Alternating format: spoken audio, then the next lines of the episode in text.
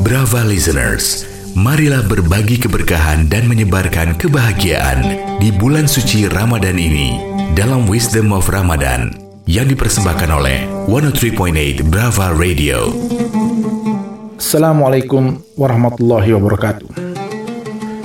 Brava listeners, saya Nadisa Hosen dalam program Wisdom of Ramadan di Brava Radio kembali menyapa Anda untuk berbincang-bincang mengenai kisah dan hikmah dalam 10 malam terakhir di bulan suci Ramadan.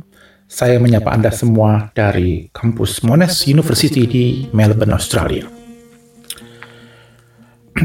Imam Fahruddin Ar-Razi adalah seolah salah seorang raksasa ilmu dalam dunia Islam. Pengarang Mafatih Al-Ghaib atau kitab Tafsir Al-Kabir ini telah menulis sekitar 100 kitab Beliau uh, menguasai sejumlah disiplin ilmu yang berbeda, seperti kedokteran, astronomi, uh, geometri, sejarah, tafsir, usul fikih, ilmu kalam. Dalam kitab tafsirnya, yaitu At-Tafsir Al-Kabir, saat menafsirkan surah Al-Fatihah, Imam Ar-Razi menuliskan sejumlah kisah yang menceritakan aspek spiritual dari kalimat Bismillah. Saya akan bacakan satu kisah dari tafsir Ar-Razi mengenai makna spiritual dari Bismillah. Semoga kita mampu meraih rahasia Bismillah dalam malam-malam terakhir di bulan suci Ramadan ini. Marido Musa alaihissalam wastadda waja'un batnihi.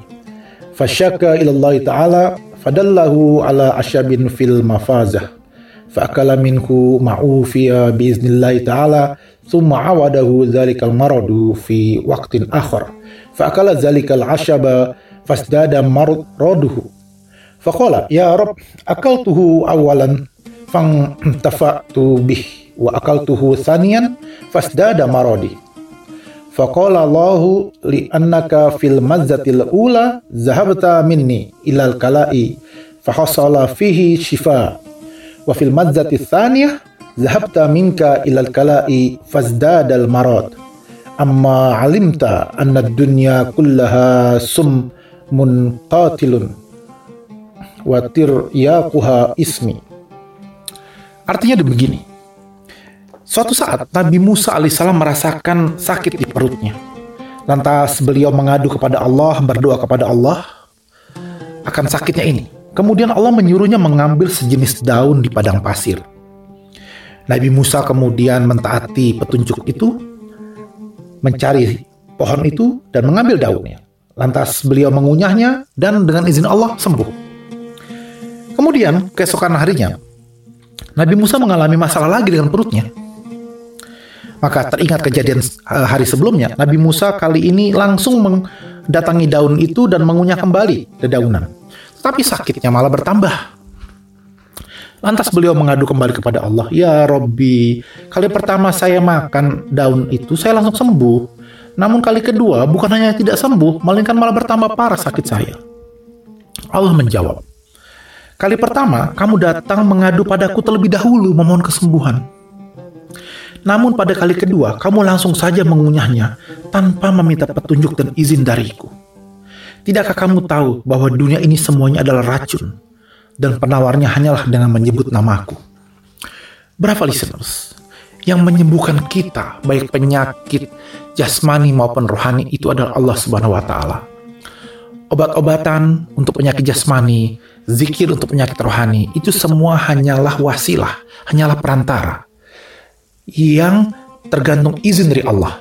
Karena itu, janganlah kita lupa bahwa memasuki 10 malam terakhir Ramadan ini, kita selalu banyak-banyak menyebut nama Allah, meminta izin kepada Allah agar Allah turunkan obat penawar untuk hati kita, Allah berikan kita kesembuhan terhadap penyakit-penyakit jasmani kita, semuanya dengan izin Allah.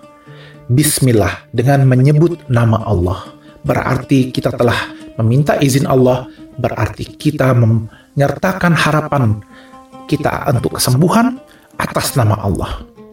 Demikian salah satu rahasia bismillah yang disampaikan oleh tafsir Ar-Razi. Semoga kita bisa mengambil hikmahnya dan kita akan uh, memasuki uh, buka puasa dan kemudian dilanjutkan nanti dengan ibadah. Mari kita mulai dengan Bismillah. Kita lanjutkan esok hari insya Allah. Assalamualaikum warahmatullahi wabarakatuh. Profesor Dr. Nadir Syahosen, Rais Surya, pengurus cabang istimewa Nahdlatul Ulama Australia New Zealand untuk Wisdom of Ramadan. Wisdom of Ramadan dipersembahkan oleh 103.8 Brava Radio.